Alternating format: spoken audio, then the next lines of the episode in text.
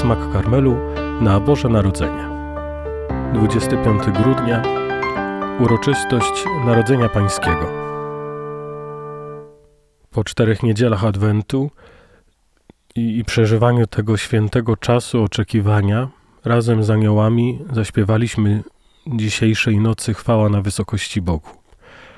Ten hymn, do którego jesteśmy pewnie już tak przyzwyczajeni, śpiewamy go z pamięci, być może nawet niestety nie zwracając uwagi na słowa. Ten hymn właśnie rozpoczyna się słowami, które wyśpiewali aniołowie w noc Narodzenia Pańskiego.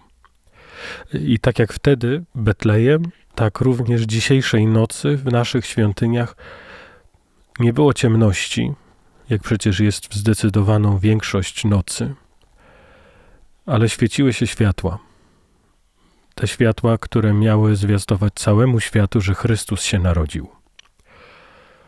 I tuż po wyśpiewaniu tej chwały usłyszeliśmy przepiękną modlitwę, modlitwę, którą nazywamy kolektą, dlatego że zbiera wszystkie intencje, z którymi przyszliśmy na Eucharystię.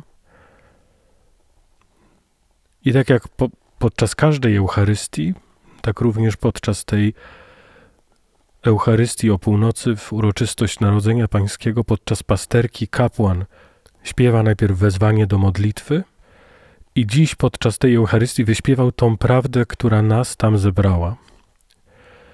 Boże, Ty sprawiłeś, że ta najświętsza noc zajaśniała blaskiem prawdziwej światłości. To już powinno nas uderzać, że ta światłość, która opromieniła cały świat, przyszła dzięki Bożej decyzji. To była Jego wola. I to, że my zapaliliśmy te światła w naszych kościołach, że zapaliliśmy światła na choinkach w naszych domach, to jest tylko pewien odblask tej Bożej decyzji o tym, że pragnie, żeby światło przyszło na świat. I śpiewamy o tej nocy, ale przecież nie wiemy dokładnie, którego dnia roku urodził się Chrystus. Inaczej ma się oczywiście rzecz z nocą zmartwychwstania, która jest bardzo dobrze określona przez sposób liczenia czasu przez Izraelitów, no ale noc narodzin Jezusa pozostaje do dziś nieznana. I najprawdopodobniej tak będzie aż do końca świata. Czy jednak przeszkadza to, żeby po prostu cały świat wybrał jeden konkretny dzień, w którym będzie świętował to wydarzenie, w którym to, co boskie, łączy się z tym, co ludzkie w jednej osobie, w osobie Syna Bożego. Wiemy doskonale przecież, że ten wybór, że wybór tej daty nie był przypadkowy. Starożytni Rzymianie świętowali wtedy przesilenie zimowe i święto jak oni nazywali Dies Natalis Solis Invicti, czyli Dzień Narodzin Słońca, Słońca Niezwyciężonego. To jest jedna z, hi z hipotez, jedna z najważniejszych hipotez, chociaż naukowcy do dziś wskazują i na inne możliwe źródła tej daty. Ale niezależnie od tego, wiara podpowiada nam, że Chrystus naprawdę narodził się z Maryi. I to dlatego świętujemy to wydarzenie.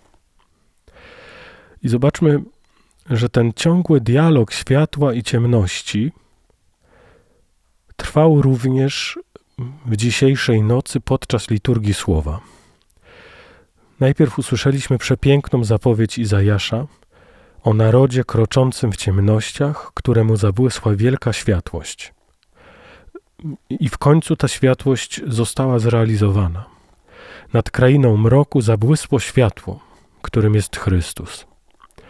Te wszystkie zapowiedzi Izajasza, które słyszeliśmy podczas Adwentu, te wszystkie zapowiedzi, w których on mówił, że przyjdzie Emanuel, Bóg z nami, zostały wypełnione właśnie poprzez wcielenie i poprzez życie Jezusa.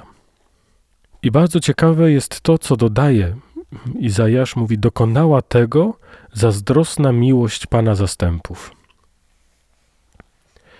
Czyżbyśmy nie zapomnieli o tym, że Jego miłość, że miłość Boga jest właśnie taka? Co to oznacza, że miłość jest zazdrosna? My oczywiście patrząc tak po ludzku, myślimy o zazdrości jako o czymś zdecydowanie złym. Wiemy też, że zazdrość jest jednym z grzechów głównych i nierzadko się pewnie z tego spowiadamy.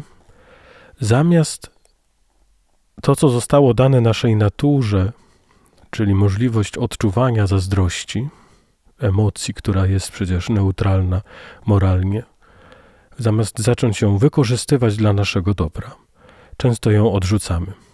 Nie? Samo uczucie zazdrości nie jest niczym złym. To ewentualne czyny, do których ona prowadzi, mogą być złe. Sama zazdrość informuje mnie o tym, że coś, czego pragnę, nie należy do mnie.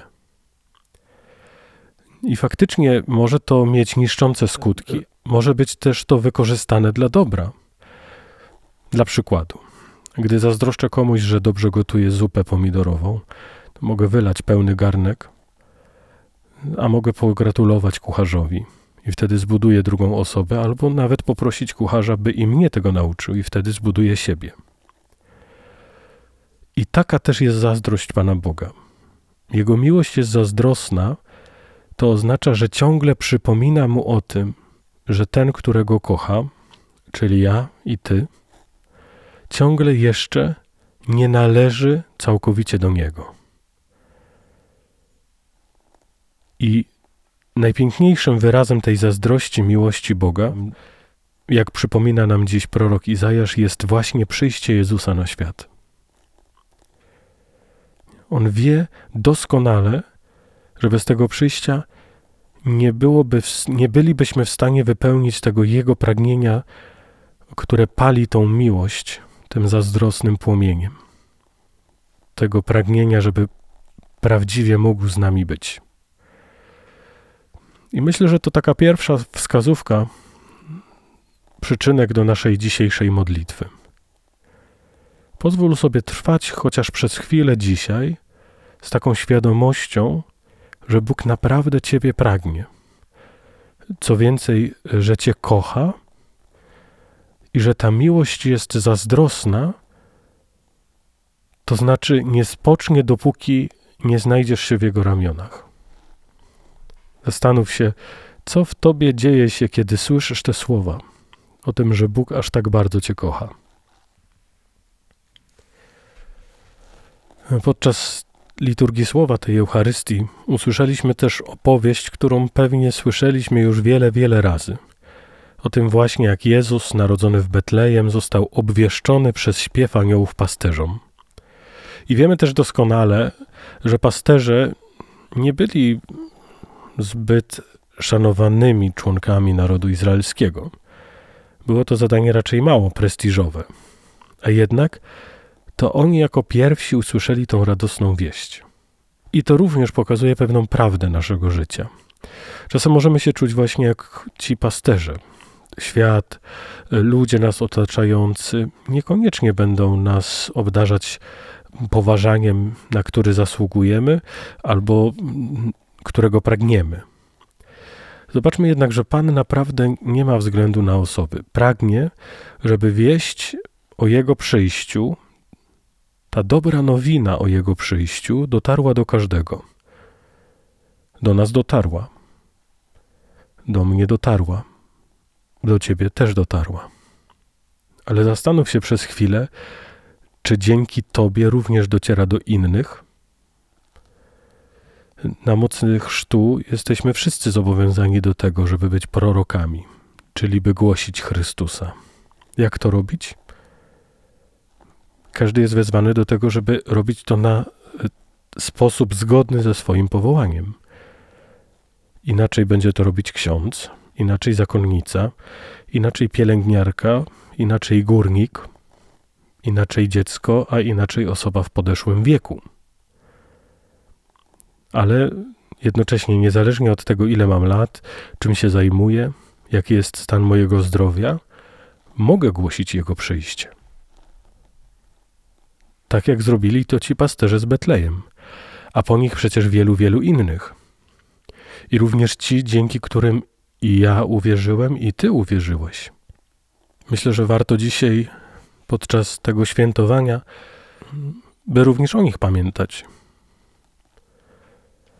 Zastanów się, kto jest dla ciebie jak ci aniołowie, czy jak ci pasterze, którzy głoszą narodzenie Chrystusa. Zastanów się, kto przekazywał ci wiarę. Zastanów się też, komu ty przekazywałeś, czy przekazywałaś wiarę. Czy można byłoby zrobić coś lepiej, coś więcej, żeby to światło jeszcze większą część świata dotknęło. Bo dzisiaj o tej prawdzie, o tym, że Chrystus narodził się jako człowiek dla każdego człowieka, Dziś nam o tej prawdzie przypomina również święty Paweł. We fragmencie listu, który usłyszeliśmy podczas pasterki, ukazała się łaska Boga, która niesie zbawienie wszystkim ludziom. Być może dlatego te święta są czasem szczególnym dla większości świata, ponieważ ta łaska naprawdę dotyka każdego człowieka. Ta łaska naprawdę niesie zbawienie, czy może nieść zbawienie dla wszystkich ludzi. Nie zapominajmy jednak, że to przyjście Jezusa, chociaż przynosi również konkretną łaskę, to narodzenie Jezusa nie jest bez celu. Można powiedzieć tak, że każdy człowiek, kiedy się rodzi, rodzi się po to, żeby żyć. Ale Jezus nie musiał się rodzić, żeby żyć. On żyje w wieczności zawsze.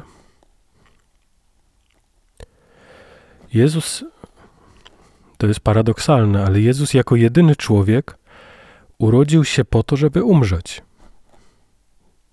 Oczywiście ta śmierć była za mnie i za ciebie. Ale Jezus jako jedyny człowiek musiał się urodzić tylko po to, żeby umrzeć. I to dlatego świętujemy Jego narodzenie, sprawując Eucharystię. Dlatego, że Jezus potwierdza swoje przyjście poprzez to, że ja i Ty, że możemy uczestniczyć w Jego śmierci na krzyżu podczas Eucharystii. I że podczas tej Eucharystii możemy przyjąć Jego ciało i krew, a zatem otrzymać największy skutek Jego wcielenia, a jednocześnie też owoc Jego życia i śmierci, czyli zbawienie. I to dzięki tej łasce, jak pisze dzisiaj święty Paweł do nas, zostaliśmy oczyszczeni, abyśmy mogli spełniać gorliwe, gorliwie dobre uczynki.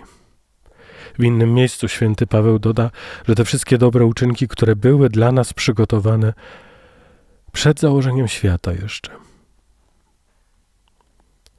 Zastanów się, czy dzisiejszą Eucharystię w taki sposób przeżywałeś, czy przeżywałaś. I czy w taki sposób w ogóle przeżywasz przyjmowanie sakramentów jako udział w Jego życiu i jako udział w Jego śmierci na krzyżu? Wydawać by się mogło, że ta tajemnica śmierci i zmartwychwstania Chrystusa nie powinna zakłócać dzisiejszego świętowania Narodzenia Pańskiego. Tyle tylko, że bez Jego śmierci na krzyżu i Jego zmartwychwstania jego wcielenie nie byłoby w ogóle potrzebne. Przyszedł na ziemię po to, żeby umrzeć za mnie i za ciebie. Więc zastanów się dzisiaj, w jaki sposób wykorzystujesz tą łaskę Jego przyjścia. Czy przyjmujesz tą prawdę, że On przyszedł jako człowiek, żeby właśnie Ciebie zbawić? Nie wszystkie narody, tylko Ciebie, który dzisiaj świętujesz Jego narodzenie smak karmelu na Boże Narodzenie.